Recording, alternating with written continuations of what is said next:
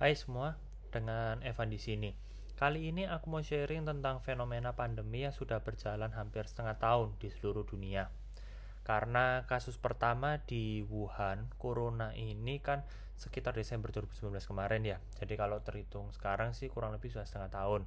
Nah, kalaupun di Indonesia itu baru mulai masuk masuk pandemi pada akhir Maret 2020 kemarin.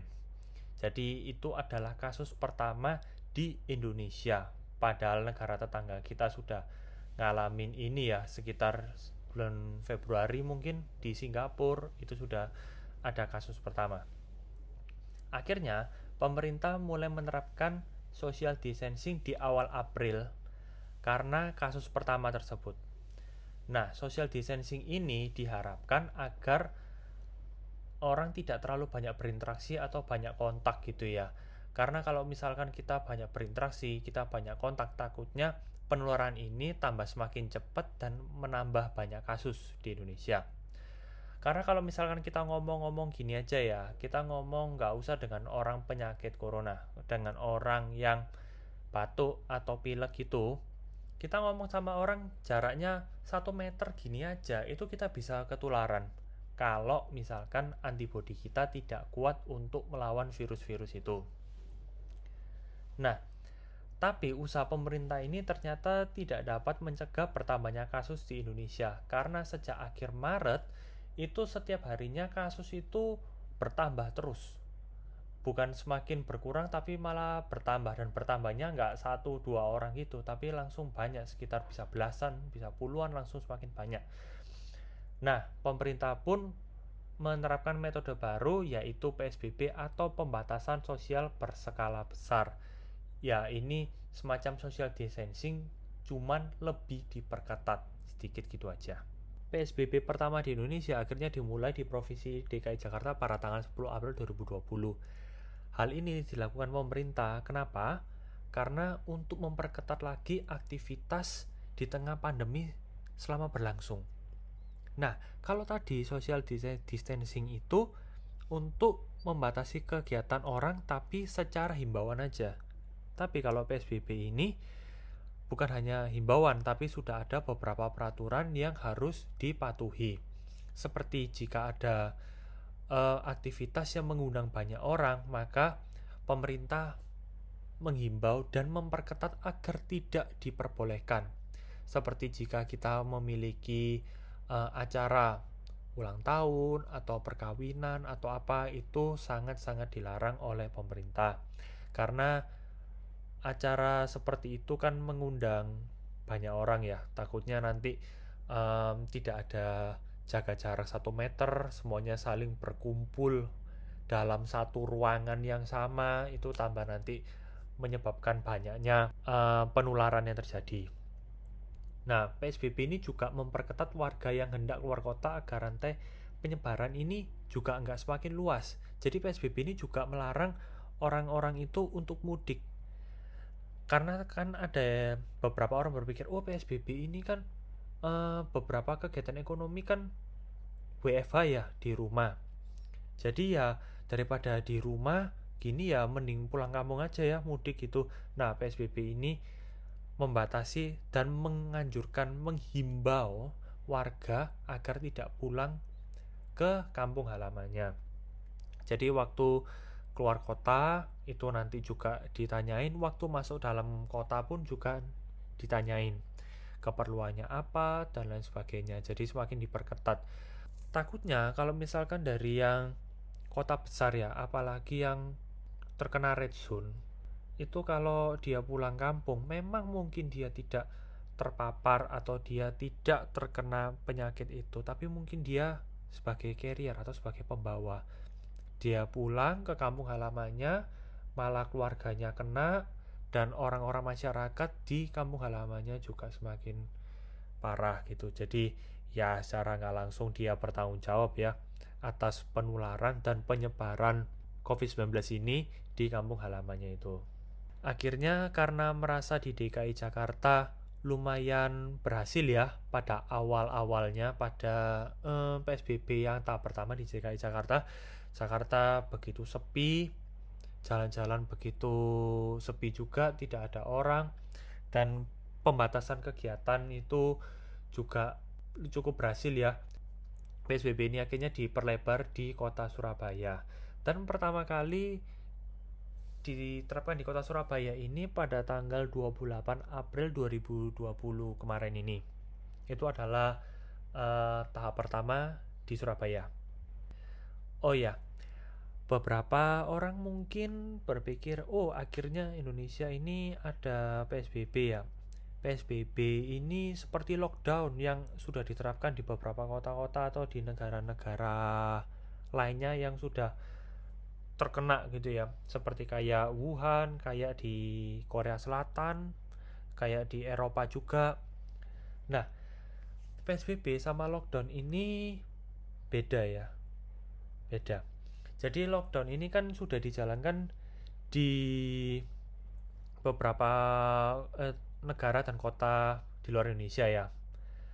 Nah, kalau lockdown ini melarang seluruh warganya keluar rumah dan tidak boleh melakukan aktivitas apa pun ya. Aktivitas apa pun. Beda dengan PSBB. Nah, sehingga kalau satu kota ini di lockdown, ini bisa menyebabkan ekonomi nggak bisa jalan.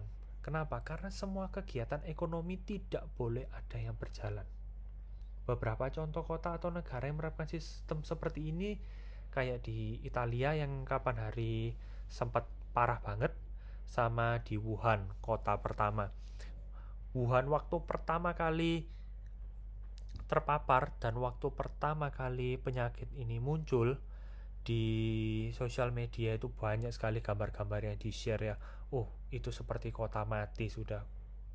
Di jalan-jalan udah nggak ada orang, toko nggak ada yang buka, semua orang di rumah. Karena semua orang takut terkena penyakit ini. Karena pada awal-awalnya COVID-19 ini cukup ganas ya, cukup banyak menelan banyak korban di Wuhan pada waktu itu. Oh ya, kalau orang mau keluar pada saat lockdown itu masih diizinkan hanya untuk membeli barang-barang kebutuhan. Karena banyak petugas-petugas yang berjaga-jaga di setiap distrik atau area di kota yang sedang di lockdown itu, maka kalau ada orang yang keluar, dia akan ditanyai mau ke mana. Kalau untuk membeli barang kebutuhan maka akan diizinkan dan itu pun hanya satu atau dua orang aja ya nggak boleh banyak-banyak kalau yang belanja nah kalau yang tidak belanja atau mau melakukan kegiatan lain seperti nongkrong ke kafe atau apa itu jelas pasti langsung dilarang atau ditindak sama petugas yang menangkap warga tersebut. Oke, itu tentang lockdown. Kalau PSBB, PSBB ini beda banget sih dengan lockdown. PSBB ini cuma membatasi kegiatan warganya aja. Jadi um, dia menghimbau kalau bisa semua kegiatan ekonomi, kegiatan apa pun itu tidak boleh dilakukan. Seperti kayak sekolah akhirnya banyak diliburkan kan. Nah, kalau kegiatan ekonomi sebisa mungkin kalau bisa tidak dilakukan. Tapi kan beberapa aktivitas itu ekonomi juga tidak bisa ya kalau harus sampai berhenti berhenti stop titik gitu kayak di negara-negara luar karena kita kan di Indonesia negara berkembang ini ya pedagang itu lebih banyak. Jadi mau nggak mau ya ada beberapa orang yang masih melakukan kegiatan ekonomi. Nggak beberapa sih banyak banget sih. Karena kalau kita lihat di Indonesia ini antara pedagang dengan uh, profesional atau pekerja itu jumlahnya pasti lebih banyak pedagangnya kan ya. Nah, jadi pemerintah menghimbau atau melarang masyarakat untuk beraktivitas jika tidak benar-benar mendesak pada saat masa PSBB ini. Alhasil, waktu PSBB ini berlangsung, masih banyak terlihat kegiatan masyarakat. Dan itu pun juga seperti normal ya seperti nggak nggak PSBB PSBB oke okay, mungkin seminggu dua minggu awal itu kelihatan banget. Jalanan sepi tidak ada orang mungkin hanya beberapa mobil aja tapi setelah itu um, ya aku beberapa kali ada keluar ya untuk ke supermarket untuk membeli barang-barang kebutuhan. Aku lihat di jalan sih masih banyak mobil. Di lampu merah itu pun juga masih mobil yang ngantri itu juga banyak. Dan nggak nggak lancar-lancar banget gitu. Masih banyak mobil masih banyak orang berkeliaran ya mungkin tempat makan itu dibatasi ya. Kalau orang yang mau ke tempat makan mungkin dia cuma bisa take away tidak bisa makan di tempat. Tapi ya ada beberapa tempat makan itu yang secara uh, gimana ya secara sengaja dia memperbolehkan makan di tempat. Dan itu sampai didatangi sama petugas satpol pp atau petugas yang apa ya dia patroli gitu ya. Dia menegur tempat makan tersebut dan bukannya malah ada kesadaran. Tempat makan yang punya tempat makan tersebut malah tanya ada surat geledahnya atau enggak? Loh ini gimana? Ini kan lagi masa PSBB ya. Pemerintah sudah menganjurkan sudah menghimbau. Tapi kenapa masih aja dilawan gitu loh? Masih ada argumen aduh gimana ini lanjut lagi PSBB ini juga dilakukan selama sampai tiga periode dikarenakan penerapan ini nggak membuat kasus COVID-19 di Indonesia ini berkurang, tapi malah terus-terus bertambah banyak. Jadi semenjak 28 April sampai sekarang, PSBB ini sudah melalui tiga tahap, baik di DKI Jakarta maupun di Surabaya ini ya, yang aku tahu. Ini pemerintah coba terus mengevaluasi dan memperpanjang PSBB. Kenapa? Karena dirasa kasus di Indonesia ini tambah bertambah. Kalau PSBB ini akhirnya dibuyarkan ya, jadi kegiatan normal sudah dijalankan seperti biasa, malah takutnya nanti kasus itu tambah lebih meningkat. Makanya ini pemerintah mengevaluasi terus gimana supaya PSBB ini segera bisa berakhir. Penerapan PSBB benar-benar membatasi orang yang akan masuk dan keluar kota dan juga membatasi kegiatan-kegiatan orang Akibatnya apa? Ekonomi jadi stuck. Roda ekonomi jadi nggak bisa muter alias nyandet. Yang paling parah di sektor bidang pariwisata. Siapa yang mau traveling di saat pandemi berlangsung kayak gini? Semua orang pasti berusaha menjaga diri agar tidak tertular ya. Tetapi ya banyak juga orang yang nggak taat ya. Disuruh di rumah, malah keluyuran. Alasannya bosan di rumah situasi sekarang ini sih ya nggak nyala juga ya agak tricky atau agak membingungkan kalau aku boleh ngomong ya karena di satu sudut pandang di Indonesia ini seperti yang aku bilang tadi lebih banyak pedagang daripada pekerja profesional nah ini menyebabkan PSBB susah diterapkan karena kegiatan ekonomi dilakukan oleh beberapa pedagang. Kehidupan mereka sangat bergantung pada jualan dagangan mereka siap hari di toko atau mungkin di ruko atau mungkin di pusat pasar gitu ya. Kalau mereka nggak berdagang mereka nggak buka toko nah terus mau makan apa mereka? Beberapa orang mungkin ya pakai tabungan aja dong. Oke pakai tabungan. Tetapi kita nggak nggak bisa menyamaratakan tabungan setiap orang ya. Karena kan ya tabungan orang itu berbeda-beda dan kewajiban orang yang dimiliki itu juga berbeda-beda gitu loh. Jadi kita nggak nggak bisa menyamaratakan semua situasi gitu. Ada beberapa orang mungkin merasa kesusahan tapi ya ada beberapa orang dengan enak bilang ya aku sih ada tabungan ya itu bisa mengcover aku dan keluarga aku sampai enam bulan ke depan misalkan gitu. Ya itu oke okay, fine. Tapi kan setidaknya kamu juga harus ada uh, empati lah ya kalau kamu berbicara gitu dengan orang lain. Kan nggak semua orang itu mempunyai tabungan yang banyaknya seperti kamu dan nggak semua orang itu memiliki kewajiban yang minim seperti kamu. Setiap orang kan situasinya tuh beda-beda. Kalau pedagang mau nggak mau kan dia juga harus buka toko ya. Harus jualan di tokonya beda sama pekerja profesional di mana dia bisa WFA melakukan pekerjaannya di rumah. Dia bisa melakukannya melalui laptopnya, melalui email, terhubung dengan internet, dan bisa menjangkau rekan timnya atau kliennya, customernya melalui WhatsApp, video call, dan lain sebagainya. Itu masih bisa dilakukan di rumah secara WFH. Tapi kalau misalkan kayak pedagang, mana bisa di WFH. Mau online pun secara nggak langsung dia harus membentuk pasar baru ya kan di online. Karena kan pelanggan-pelanggan lamanya mungkin tahunya lewat langsung datang ke tokonya atau lewat telepon. Tapi biasanya kalau pelanggan gitu kan pasti umumnya datang ke tempat tokonya situ. Nah, akhirnya beberapa pusat pasar di kota-kota besar itu masih berlangsung kegiatan niaga mereka. Bayangkan saja, pusat pasar itu ya, pusat pasar itu kan tempat berkumpulnya banyak orang dalam satu tempat. Apa nggak menutup kemungkinan penularan itu bisa terjadi? Ada beberapa pasar yang juga pedagangnya sampai kucing-kucingan dengan petugas Satpol PP-nya.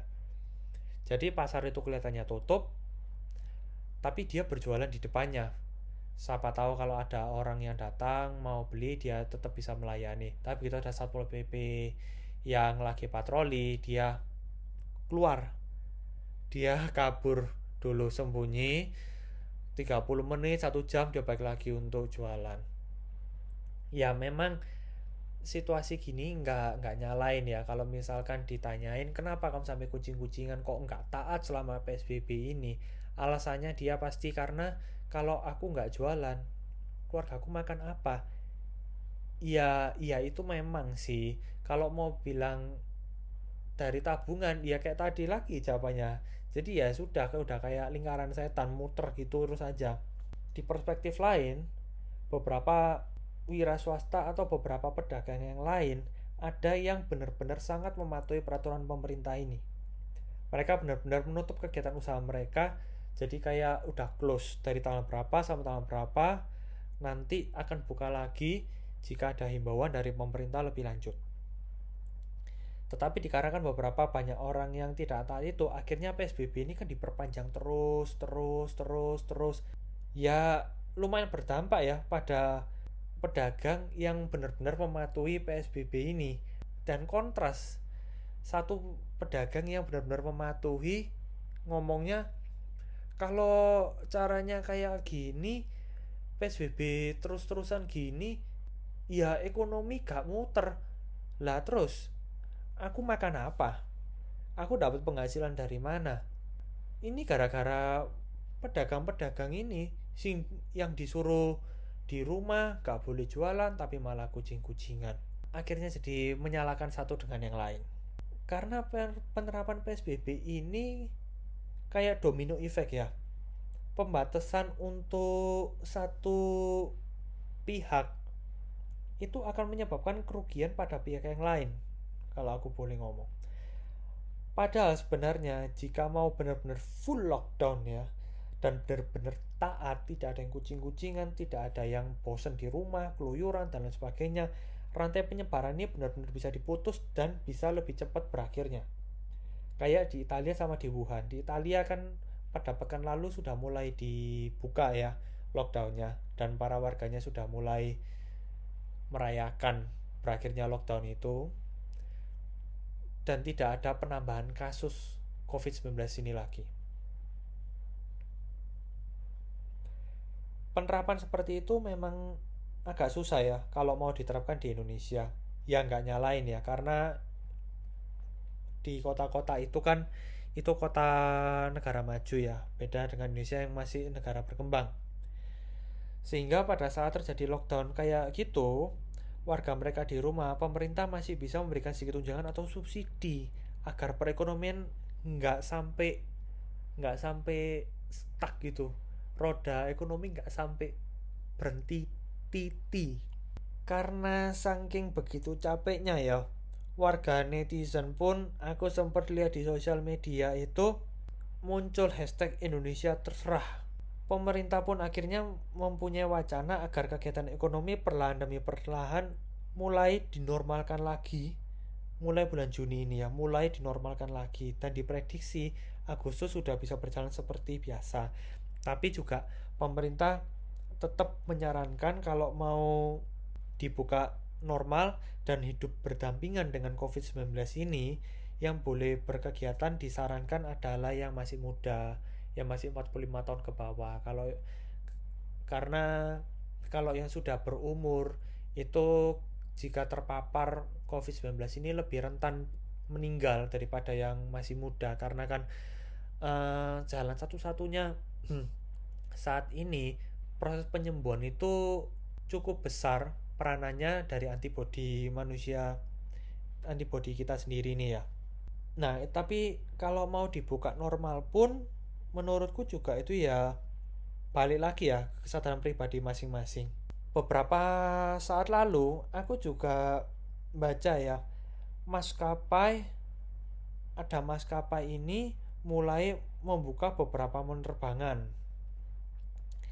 Dan di berita disebutkan bahwa tiket dari Jakarta ke Denpasar sudah habis ludes pada saat menjelang lebaran itu kalau nggak salah ya terus di Bandara Soekarno-Hatta di ruang counter check-in itu antri full orang mau check-in. Bayangkan kalau banyak orang yang kayak gitu ya maksudnya ngumpul pada satu, satu tempat apa gitu nggak memicu penularan gitu ya. Nah itu yang seperti yang tadi aku bilang itu kembali ke kesadaran masing-masing supaya ini cepat berakhir perekonomian ya mengalah sedikit lah nggak usah berlibur dulu kita segera berakhirkan ini masa PSBB ini supaya ekonomi bisa lebih bergairah, lebih muter lagi. Baru kalau kalian mau berlibur, kalian mau apa, yaitu terserah lah. Situasi PSBB sekarang ini maju kena, mundur kena. Di satu sisi, kalau penerapan PSBB ini sudah dibuyarkan pemerintah, kegiatan aktivitas berjalan seperti biasa, normal. Yang ditakutkan itu bertambahnya kasus ini malah lebih parah. Karena PSBB ini dijalankan aja loh. Kasus itu nggak berkurang tapi malah bertambah. Khususnya di kota-kota besar itu ya tiap hari kalau aku lihat berita penambahan jumlah kasus COVID-19 itu malah bertambah. Bukan berkurang malah bertambah. Tapi ada tapinya jika PSBB ini terus menerus kita perpanjang diperpanjang pemerintah maksudnya ya maka ekonomi juga terhambat ya Mengingat situasi sekarang juga banyak bisnis usaha mulai megap-megap ya. Ada juga bisnis usaha mulai tutup karena nggak bisa bayar pegawai. PSBB terus menerus iya emang merupakan usaha yang cukup efektif bagi menurut pemerintah agar tidak menimbulkan banyaknya kasus yang meninggal karena COVID-19. Tetapi kalau diteruskan lama-lama PSBB terus gitu ya orang juga tetap meninggal karena mati kelaparan lah. Contohnya aja kayak kejadian waktu perang dunia dulu. Menelan banyak korban waktu di perang dunia. Dan banyaknya korban yang meninggal itu bukan karena perang ya tapi lebih banyak yang meninggal karena kelaparan. Beberapa bisnis yang mulai terlihat terdampak seperti kayak KFC Indonesia atau Dunkin Donut yang aku baca di berita perusahaan makanan ini menurutku cukup besar ya. Di Indonesia banyak peminatnya banyak yang suka ujung-ujungnya apa? Nggak kuat. Beberapa karyawannya ada yang sampai dirumahkan. Ada yang nggak terima THR ada yang nggak ada pemberitahuan apa-apa langsung dipotong 50% gaji. Ya kasihan ya, namanya juga karyawan, mau hidup dari apa, tapi di sisi perusahaan juga lagi keuangan. Nggak bisa settle. Sektor wisata itu juga lumpuh. Beberapa maskapai penerbangan juga mengurangi beberapa penerbangannya Bahkan sebesar Singapore Airlines dan Cathay Pacific pun mengurangi jumlah penerbangannya. Bahkan ada yang mulai ditiadakan dulu dan mulai di refund. Tapi di refund sebagai kredit saldo kalau nggak salah yang aku tahu sih. Dan ada juga salah satu franchise hotel ternama ya di Indonesia. Jaringan hotelnya cukup banyak juga. Terancam angkat kaki dari Indonesia karena ya pariwisata lagi nggak jalan ya hotel-hotel di Bali aja juga sepi sampai di diskon-diskon nginap 7 hari, 14 hari dan lain sebagainya. Oh ya, adalah satu lagi yang cukup mengebohkan. Startup company Airi di bawah naungannya Traveloka akhirnya harus gulung tikar karena dampak dari pandemi ini. Padahal menurutku dia startup company yang cukup besar di Indonesia. Jaringannya banyak juga. Nah, cerita fenomena lain, aku ada beberapa teman juga, dia tuh bekerja di perusahaan, ya aku nggak sebutlah di perusahaannya apa, akhirnya sampai harus kena PHK karena perusahaannya benar-benar sudah di ujung tanduk. Jadi mau nggak mau dia harus mengurangi pengurangan karyawan ratusan karyawannya mulai di sapu-sapuin mulai di PHK ya ada juga temanku yang lebih beruntung ya sedikit lebih beruntung lah daripada yang tadi tapi ya tetap terkena dampaknya ini yaitu gajinya dipangkas beberapa persen. Dan perusahaan lainnya ada juga yang menerapkan unpaid leave. Ya, kalau aku lihat fenomena-fenomena ini, dengar dari cerita-cerita temanku, ya cukup memprihatinkan ya. Apalagi kalau mereka sudah berkeluarga atau bagi perantau. Nah, apalagi di kota-kota besar seperti kayak Jakarta, gitu kan banyak perantau ya itu kan kasihan mereka kalau sampai di PHK ataupun kalaupun dia digaji beberapa persen atau di unpaid leave dia mau bayar kos pakai apa? Mau pulang kampung pun juga nggak bisa. Mau nggak mau akhirnya dia stay di kosnya. Stay di kosnya atau stay di tempat tinggalnya gitu biaya sewa biaya kos mau nggak mau tetap keluar bulanan kan. Dan setiap hari juga pasti uang keluar untuk makan. Masa nggak nggak nggak makan? Mati kelaparan dong kalau gitu. Meskipun single belum berkeluarga tapi kalau perantau ya ya susah juga. Satu hal lagi aku sering baca hashtag di rumah aja di sosial media kalian juga pasti sering dengar kan ya terdengar aman sih selama kita di rumah aja ya jadi kita nggak ada interaksi kita nggak ada sosialisasi dengan dunia luar jika tapi nah ada tapi dan jikanya kalau rentang waktu selama di rumah itu pasti. Kalau nggak pasti, malah menimbulkan kasus baru. Kasus apa itu? Bisa menimbulkan gangguan kesehatan mental seseorang. Kalau sudah kesehatan mental seseorang terganggu, berujung bisa mengurangi umur manusia.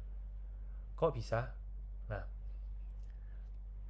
situasi di rumah aja bisa mengurangi usia harapan hidup seseorang karena kesehatan mental mereka. Penelitian ini dilakukan di Swiss yang aku baca.